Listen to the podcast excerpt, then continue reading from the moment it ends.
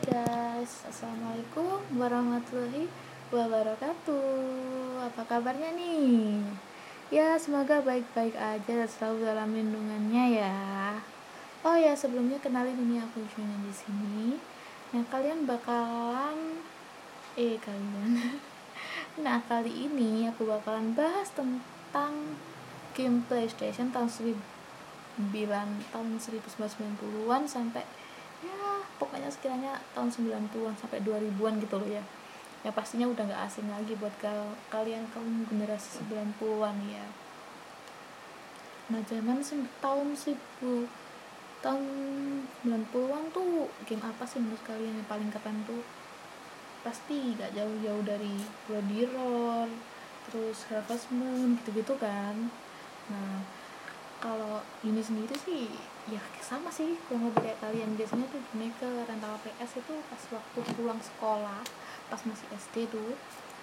Ke rental PS terus bawa duit 2000 kadang 3000 itu udah dapat waktu sejam buat main PS sama buat beli ale-ale dulu kalau di daerah Juni tuh dulu 2000-an aja sih buat beli ale-ale eh 3000-an ding ale-alenya 1000 terus buat PS nya itu yang satu jam itu 2000 nah udah dapat waktu sejam nih di daerah Juni dulu. Gak tahu sih kalau daerah kalian berapa emang bisa jadi lebih murah gitu loh ya. Bisa jadi 1500an atau berapa gitu.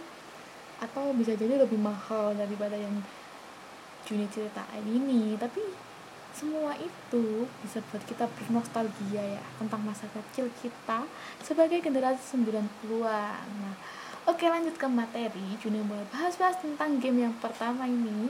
Namanya apa yuk? Generasi 90-an pasti gak bakalan asing sama game ini. Namanya Championship Motocross Fat Ricky Carmichael tahun 1999. Ya, maaf. Developer dan publishernya ini dari Funcom. Genrenya motocross sport, game ini sering disebut CMX yang merupakan game motocross populer di PSX meskipun mempunyai single player yang cukup menantang tapi lebih sulit dimainkan berdua. Dengan mode vertical split screen, grafiknya ini terhitung keren dengan gerakan motor dan pengendaranya yang sangat luas. Apalagi saat balapan kita juga bisa melakukan freestyle saat melakukan jumping. Persis banget seperti atlet motocross beneran nih ya nah kalian tuh pernah nggak sih main game ini tuh? Si MX ini kayak motocross gitu motor brum brum brum gitu. Sampai pada generasi 90-an ini banyak banget anak-anak yang bawa peda ontel tapi dikasih gelas ale-ale atau aqua gitu di bagian belakangnya tuh. Peda cowok dulu kan yang mini kecil itu dikasih begituan di atas ban jadi kalau dia kayu sepedanya bakal bunyi brum brum brum gitu loh sejenis itulah. Pokoknya tuh bikin berisik sekampung gitu loh. Dan pasti kalian cowok-cowok itu gak asing sama hal begituan gitu loh ya? Nah yang kedua ini salah satu game favorit aku waktu main di rental PS sama sepupu pun ya. Namanya game Bloody Roar 2 openingnya dulu Bloody Roar 2 ya gitu. Ya sendiri situ lah ya. Maaf suaraku ini gak bisa gede segede itu gak segede se openingnya Bloody Roar 2 ini nah game Bloody Roar 2 Prince of the New Age tahun 1999 ini di developeri dan dipublish oleh Hudson Soft. Genrenya tuh fighting ya. Kalau di bahasa Jawanya fighting tuh gelut. Ya oke ya karena Juni ini orang Jawa gitu jadi namanya bergelut ya gamenya bergelut. Nah game ini tuh bisa terbilang sangat unik nih ya daripada game fighting 3D sejenis lainnya. Ya ini dia punya best mode para karakter ini punya ability bernama Zoanthrope Zoanthrope yang bisa mengubah dirinya menjadi binatang buas. Nah, Juni itu paling inget sama yang namanya Jenny. Paling ingat sama itu yang dia pakai baju hitam serba hitam. Tapi dia tuh sebenarnya manusia kelelawar gitu siluman kelelawar tapi Juni tuh paling suka sama yang badannya warna coklat. Terus dia tuh kalau berubah itu ada kayak kukunya tajam gitu pakai celana celana biru gitu. Kalau pakai itu auto menang tuh kalau kalau kalahin si Jenny karena dia damage-nya lebih besar kalau nggak salah. Tapi itu jagoan Juni dulu. Udah jangan dijudge kesian. Nanti dibully dia yang biru itu ya. Celananya biru pendek terus tapi dia tuh damage-nya gede gitu loh mau curang gitu. Astaga gak boleh gitu. Tapi emang tergantung skill sih ya meskipun kita gak kita pakai yang celananya biru badannya coklat itu tapi kita kalau nggak punya skill main gamenya ya sama aja sih kalah. Maklum guys sudah pro ini main game gitu-gituan. Nah kecepatan damage-nya karakter di game ini itu itu itu meningkat drastis ketika memasuki beast mode ya mode buruknya dia nih. Konsep unik yang berhasil dieksekusi dengan baik sehingga game ini begitu adiktif iya sampai adiktif nih ya kecanduan banget Juni dulu sama game ini. Dan menyenangkan untuk dimainkan. Ya menyenangkan banget sih dulu. Sampai tertawa terpingkal-pingkal kalau kalah. Dia ngetawain yang kalah sama Juni tapi kalau Juni yang kalah ngambek aku ngambek. Iya beneran ngambek. Ya maklum lah masih kecil gitu loh. Masih suka ngambek? Demennya ngambek dikit-dikit diambekin teman-temannya. Nah game ini tuh dulu asik banget tuh dimaininnya selanjutnya nih ya ada game yang pastinya nggak kalah seru dan menarik. Namanya Crash Team Racing tahun 1999 developer dan publishernya ini dari Naughty Dog Sony Interactive Entertainment dan bergenre go-kart style racing ya Game itu merupakan game go-kart yang paling populer di PS1. Seperti game sejenis Mario Kart, di sirkuit ini kita nggak hanya sekedar balapan untuk mendapat, juara pertama nih. Nah, yang paling Juni ingat tuh ya, game ini tuh bisa nembakin senjata kayak rudal dan bom gitu. Buat kalian yang sejail Juni ini, pasti sangat suka banget nih game sama game kayak gini tuh. Apalagi tuh gangguan sepupu sih ya, waktu main game ini tuh nembakin rudal sama bom. Terus mobil dia tuh kayak guling gitu. Akhirnya dia kalah dari Juni terus dia ngambek. Beneran ngambek. Juni sih dulu waktu dilempar gitu ngeles. Karena Juni tuh udah tahu gitu loh maklum orang jahil game ini tuh sangat digemari. Selain gameplaynya yang seru juga karena didukung oleh grafik yang sangat oke di masanya kalau dibandingin masa sekarang sih ya burik lah ya. Kalau zaman dulu bilangnya ini burik. Kalau Juni sih bilangnya dulu udah bagus banget gitu loh bisa main game kayak gini. Apalagi dulu kan belum ada kayak gadget-gadget zaman sekarang ini. Gadget-gadget Android, iOS gitu kan cuman dulu tuh anak tuh nangis minta dibeliin Tamiya minta itu diturutin buat bayar rental PS buat main PS gitu tuh sampai sampai iya gitulah. Kan anak 90-an tuh paling cuma nangis minta Tamiya minta robot-robotan. Iya lah boneka Susan iya. Mereka tuh kadang-kadang nangis cuma minta itu doang. Kadang-kadang gara-gara gak diturutin gitu minta uang 2000 buat main PS gitu. Mereka kadang-kadang bisa nangis. Beda sih sama jangan tapi itu semua tuh murah beda jam sama kids zaman yang tahun 2020-an ini gedenya dia tuh kalau yang tahun 2020-an ini mintanya lebih ke hal-hal yang berbau, berbau tersier gitu loh. Misalnya kayak mereka tuh nangis kalau nggak dibeliin skill Mobile Legend. Tahu kan? Mahal banget. Kadang kan Mobile Legend juga kasih gift apa ya skin gratis gitu. Tapi mereka tuh ke zaman tuh nggak paham kalau skinnya tuh juga bayar gitu kan kasihan orang tuanya. Belum lagi zaman tuh paling suka sama barang mewah. Kayak iPhone gitu mereka tuh lebih ya lebih mereka gak, gak dibeliin iPhone mereka gak mau belajar mereka gak mau makan gitu gitulah. Mereka tuh kayak mahal gitu loh hobinya ya daripada kita 90-an yang cuma minta dibayarin PS gitu loh. Tapi orang tua zaman kit 90-an itu lebih keras daripada orang tua zaman sekarang. Karena kit zaman 90-an itu kalau anaknya udah gulung-gulung nangis nggak diturutin tetap nggak diturutin. Digebuk gebuk gebuk digebuk itu juga digebuk beneran. Kalau sekarang kan cuma dengan omongan aja anaknya udah nangis nangis sendiri tuh. Udah kayak acara mewek mewek temepek-mepek apa mepek itu dulu. Nah lanjut nih ya ada game FIFA 99 tapi dirilis tahun 1998 di developeri oleh FIFA EA Sport dan dipublish oleh EA Sport. Genrenya ini soccer game. Nah jangan salah nih di konsol PS1 seri FIFA juga pernah mencicipi kejayaan. FIFA 99 sempat booming di berbagai rental PS ini menawarkan grafik yang keren didukung dengan sound effect pertandingan yang realistik. Waktu itu ya ada kayak supporter supporternya gitu terus rame banget di lapangan nah hal ini tuh membuat FIFA 99 ini jadi primadona pada masanya. Padahal secara gameplay ini game ini tuh cenderung arcade gitu loh minim teknik. Jadi sayang sih di, didominasi oleh FIFA di konsol satu ini sudah di konsol PS1 ini rada sayang. Tapi ya gitu loh karena minim teknik gitu loh. Nah tapi nih yang sangat disayangkan lagi yang kedua seri itu terhenti di angka 99 setelah setahun kemudian game sepak bola legendaris Winning Eleven 4 akhirnya dirilis. Wah kalau ini sih game identik dimainin sama para cowok nih ya. Tapi aku tuh tomboy banget. Terus main rental PS sama si abang kalau gak sama si sepupu. Ya seenggaknya hal anehku ini cenderung melenceng gitu loh dari cewek-cewek normal biasanya.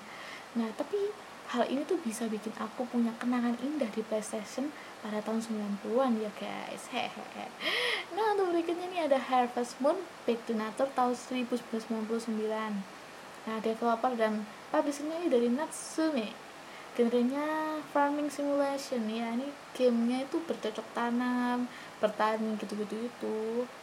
Nah bisa dibilang seri Harvest Moon merupakan game simulasi bertani paling populer pada masanya meskipun bergenre farming tapi game ini bukanlah game yang serius dan dikemas dalam bentuk mirip JRPG Nah, dengan karakter yang lucu dan imut, gameplaynya pun simpel dan mudah dikuasai.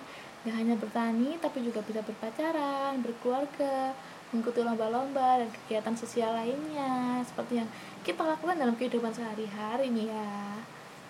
Nah, gak hanya punya, gak hanya itu aja nih, meskipun mereka bisa dimainin lebih dari satu orang, nyatanya game ini tuh lumayan laris di rental-rental PS wah aku dulu gak terlalu main game ini sih karena aku tuh dulu lebih suka game fighting gitu sepak bola terus ya gelut-gelut gitu tembak-tembakan ya gitu gitu aja sih nah balik ke materi nih ya berikutnya ini adalah WWF Smackdown tahun 2000 developer dan publishernya publishernya ini dari UK THQ genrenya professional wrestling games. Nah tahun 99 nih kalau nggak salah di acara TV semua acara TV olahraga buat Smackdown ini sangat populer di pertelevisian Indonesia. Jadi nggak heran sih ya seri game.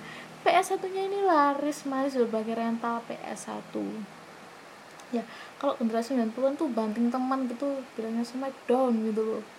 Temennya dibanting gitu kesian tapi gila ya anak 90-an tuh badannya kuat-kuat gitu kalau meskipun kayak digelut sama temennya gitu gelutnya parah gitu. Itu ya dia mereka biasa-biasa aja menganggapnya cuma guyonan.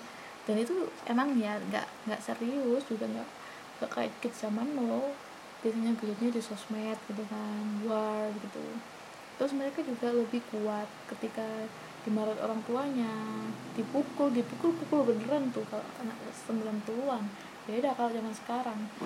Masih dikasih tahu omongan aja udah nangis padahal tinggal mereka emang lebih dari omongan harusnya kasih taunya harusnya dipukul atau diapain gitu loh. Nah ini game ini tuh menghadirkan berbagai western yang muncul secara visual komplek dengan opening movie dan gerakan spesialnya ya pasti kalian semua tuh pernah main game ini tuh apalagi yang cowok-cowok tapi bukan game tapi bukan hanya itu saja yang bikin game ini sangat digemari. Game ini tergolong mudah dikuasai, apalagi gerakan para wrestler yang luas. Grafik game ini juga tergolong mantap bukan untuk ukuran PS1 nih ya. Nah kalau ini nih ya, jadi salah satu game favorit aku dulu nih ya, yang suka main ke rental PS tapi ya gitu deh ada sedikit problem gitu loh. Kalau main game di rental sama game ini terus apa ya sticknya kadang-kadang rusak itu pasti sedih banget. Harus ganti stick terus akhirnya kita kesemek kalah deh darahnya habis baik itu deh kok back to the topic nih ya. Ini ada game Naskah Rumble tahun 2000 developer dan publishernya Electronic Arts. Genrenya tuh sport racing gitu. Game ini merupakan seri naskah yang paling unik keren dan memiliki fitur power up sepanjang sirkuit tersebar berbagai item yang digunakan player untuk mengeluarkan berbagai ability yang bisa dipakai untuk mengganggu lawan. Seperti menembakkan gelombang kejut, silt yang bisa melontarkan mobil lawan bahkan angin tornado yang fenomenal itu. Wah ini sih sangat seru sekali nih ya jika dimainkan berdua. Gak heran game ini tuh lumayan laris di berbagai rental PS1 nah kalau game ini tuh seru banget kamu yang generasi 90-an pasti ngerasain keseruan game ini sama kayak yang aku rasain dulu. Beda bahkan inget tuh waktu main game ini aku pernah berkala-kala aku kalahin gitu. Ya sama lagi kayak tadi aku kalahin karena aku tuh orangnya jahil gitu. Seriusan aku tuh orangnya jahil banget. Oke okay, guys back to the topic aja ya. Sebetulnya ini ada game 3 tahun 1997 developer dan publishernya ini dari Namco kiranya fighting. Ya bergerut lagi nih. Meskipun Tekken 1 and Tekken 2 ini dirilis untuk PS1 juga tapi nyatanya seri ketiganya ini paling populer gitu loh ya. Gak tahu sih kenapa. Banyak perubahan sih dari dua seri dulu. Seperti grafingnya lebih halus gerakan permainnya lebih luas dan variasi combo yang lebih banyak tuh. Aku paling inget dulu ngapalin kombonya ngapalin combo itu paling diinget ya kayak gimana ya? Hmm, lebih mudah hafal combo daripada hafal pelajaran. Seriusan? Nggak tahu kenapa dulu kayak gitu. Ya hobi ke PS kali ya. Jadi lebih hafal combo daripada hafal pelajaran. Padahal dulu tuh zaman zaman aku kelas 1 SD tuh paling sering banget remedial. Ya matematika sering dapat nol awal dapat nol. Tapi kalau ngapalin combo paling semangat serius yang paling semangat nih. Kalau ngapalin combo buat kalian nih yang sama kayak aku yang dulu masa kecilnya lebih seneng ngapalin combo daripada ngapalin pelajaran dan suka dan lebih suka main PS daripada belajar oke kita satu server guys. Nah yang terakhir ini emang itu nilai jual Tekken 3 ini sangat-sangat laku gitu loh sangat-sangat sangat-sangat apa ya mahal dan juga sangat menjual banget gitu loh buat developernya ini pada variasinya tuh di kombonya itu sangat banyak dan dari yang simple sampai yang rumit apalagi banyak combo-combo rahasia yang tidak di tidak ada di menu move list. Ya aku dulu ngafalin combo-combo rahasia combo rumit ini tapi ya gitu deh. Kamu kalian tahu pasti tahu deh ini gimana. Buat generasi 90-an buat kalian yang nggak tahu bisa lah coba cuma sekarang kalau kalian bisa nemuin tanpa PS1 juga sih. Kalau nggak bisa ya dengerin aja podcastku. Nah nggak heran nih kan 3D jadi sangat aktif dan game fighting primadona di antara PS1 nih. Nah langsung aja nih ke game berikutnya. Ini ada game apa ya? World Soccer Jinkyo Winning Eleven 4 tahun 1999 nah game ini tuh bergenrenya soccer video games gitu. Jadi bilang nih salah satu game yang membuat tampilan TV rental PS1 jadi berwarna hijau semua. Hijau karena pada main sepak bola. Nah apalagi terutama kalau di rental PS banyak mas-mas gitu kan cowok-cowok gitu. Mainnya pasti game ini nih. Sebenarnya seri Winning Eleven itu udah mulai dikenal semenjak rilis pertama seri ketiganya. Tapi sayang masih di bawah bayang-bayang FIFA 99 sih seri keempat. Yang kali itu menghadirkan tim lebih banyak dan legenda legendaris. Legenda legendaris yang menghiasi liga-liga zaman jadul dulu tuh. Kayak Master Language ya Master Language. Salah sih Master League ya? Iya Master League-nya. Terus itu perombakan grafik dan gameplay yang lebih realistis membuat game sepak bola ini menjadi luar biasa ediktifnya nah game ini tuh yang membuat bisnis rental PS menjadi bisnis yang menjanjikan di masanya itu. Punya PS itu auto kaya punya bisnis rental PS auto CEO ya berasa CEO auto kaya gitu loh. Nah game ini tuh punya second generationnya nih guys. Namanya World Soccer Chico Winning Eleven 2000 U23 Medal Heno Chosen 2001 developer dan publishernya dari Konami. Genrenya tetap ya soccer video games. Game ini merupakan sequel dari Winning Eleven 4 dengan update roster pemain dan perbaikan gameplay tapi boleh dikatakan Winning Eleven 2000 adalah game sepak bola paling laris di rental-rental PS1 begitu populernya nih sampai game ini banyak banyak banyak banget bootleg game yang telah dimodifikasi seperti Winning Eleven European League Winning Eleven Fed Champion Subasa Winning Eleven Liga Bank Mandiri dan lainnya. Game bootleg ini ternyata hanya merubah roster klub dan pemain beri berserta skillnya saja tapi juga opening moves movie-nya, opening movie-nya dan musik menu. Nah, waktu dulu nih ya main game ini tuh masih populer-populernya pemain sepak bola sepak bola jadul nih aku tuh. Tapi paling seneng banget main game ini tuh sama abang sih karena lebih seru aja walaupun dulu aku tuh sering kalah. nah selanjutnya ini ada game Metal Slug X tahun 1999 developer dan publishernya dari Nazca Corporation SNK EGTech genrenya run and gun platformer. Nah dari saya pertamanya ini sebenarnya udah beredar versi PS1 nya tapi kurang begitu diminati. Nah yang seri ketiganya ini berjudul berjudul ya iya ralat ya lagi nah yang seri ketiganya ini berjudul Metal Slug X yang dirilis langsung laris di rental-rental PS1 di zamannya. Gameplay yang lebih seru, lebih menantang, level lebih panjang, pilihan senjata yang lebih beragam, serta varian musuh yang lebih banyak membuat game ini sangat asyik dimainkan berdua apalagi game ini banyak kekonyolan ya seperti karakter yang bisa berubah jadi mumi ataupun jadi gendut gitu loh. Asik banget deh game satu ini. Nah berikutnya nih ada game yang gak salah gak kalah serunya ya. Salah satu game seru ini namanya Pepsi Man. Tahun 1999 nah dari namanya ini udah kelihatan nih. Ayo apa? Ayo Pepsi Man. Udah terbayang nih bentuknya bentuknya kayak botol Pepsi gitu ya Junya iya bener banget kayak botol Pepsi yang bukan botol sih namanya ya kayak logo Pepsi ya. Bener banget kayak logo Pepsi itu. Nah sang maskot salah satu minuman produk ber, minuman bersoda ini beraksi menghajar para penjahat.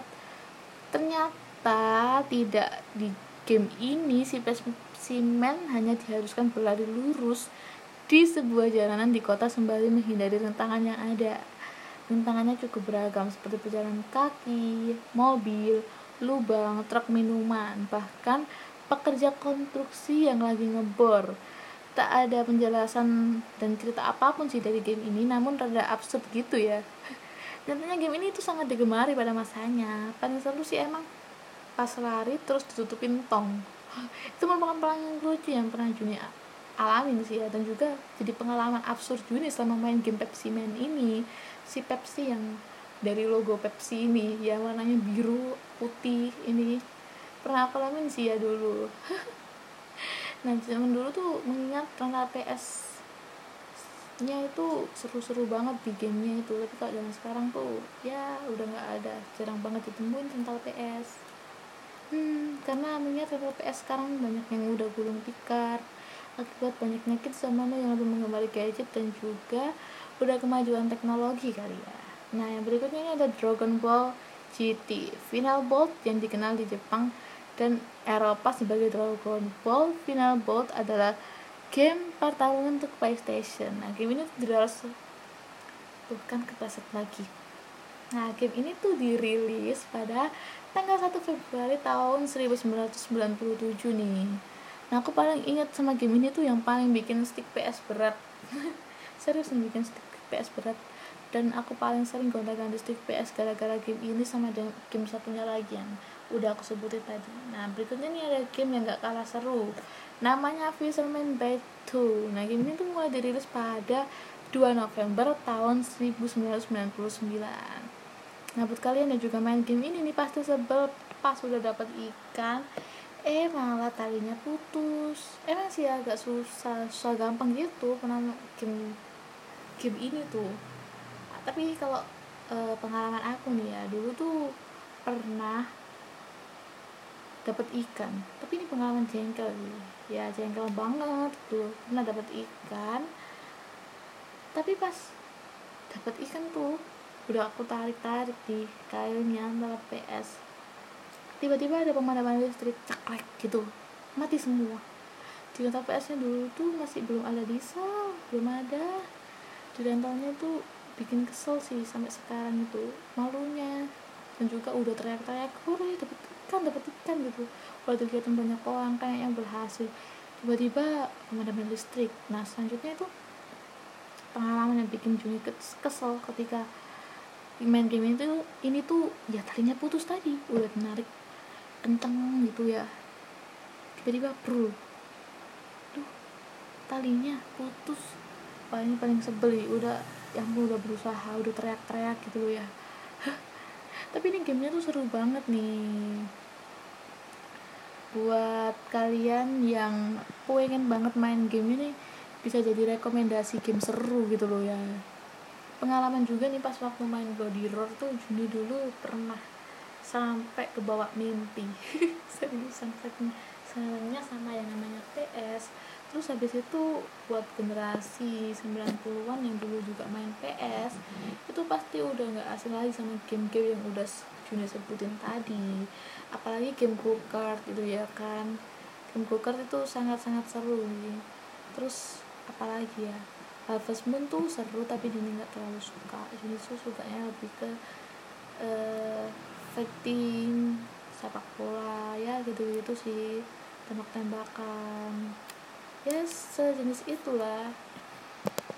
Tapi semua tuh balik lagi sih ke selera masing-masing dan juga sama ke sukaan masing-masing. Ya kayak sama selera tadi sih sama aja ya. Gak tau sih ini ini tuh ya gini ada gak jelas.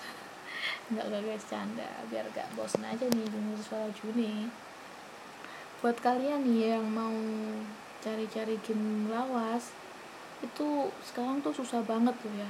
Susah banget apalagi cari-cari game di rental PS yang masih buka sekarang. Udah gak ada sih yang buka rental PS lagi zaman sekarang. Udah jarang banget kalaupun ada pasti sepi gitu. Ingat mengingat ya udah kemajuan teknologi bisnisnya udah nggak menjanjikan lebih baik bisnis kuliner atau apa itu yang lebih menyajikan kan zaman sekarang kan gitu sih ya bisnis followers jualan followers gitu. Itu lebih menjanjikan kalau sekarang.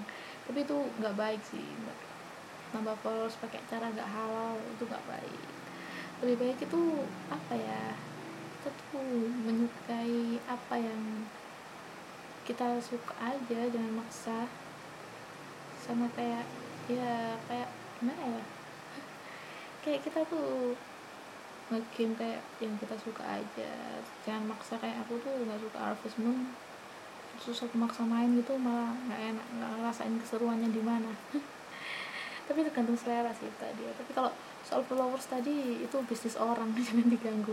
Nggak apa-apa. Dia tuh sebenarnya nggak apa-apa aja sih jualan followers. Cuma ya balik ke diri masing-masing aja. Kadang-kadang beli followers tapi ngaku nggak beli gitu loh ya bisa-bisa aja bisnisnya orang zaman sekarang ya. Cari duit tuh ada ada aja. Nah ini sedikit ceritanya dari Juni nih ya soal game PS tahun 90-an atau kalian punya pengalaman menyenangkan?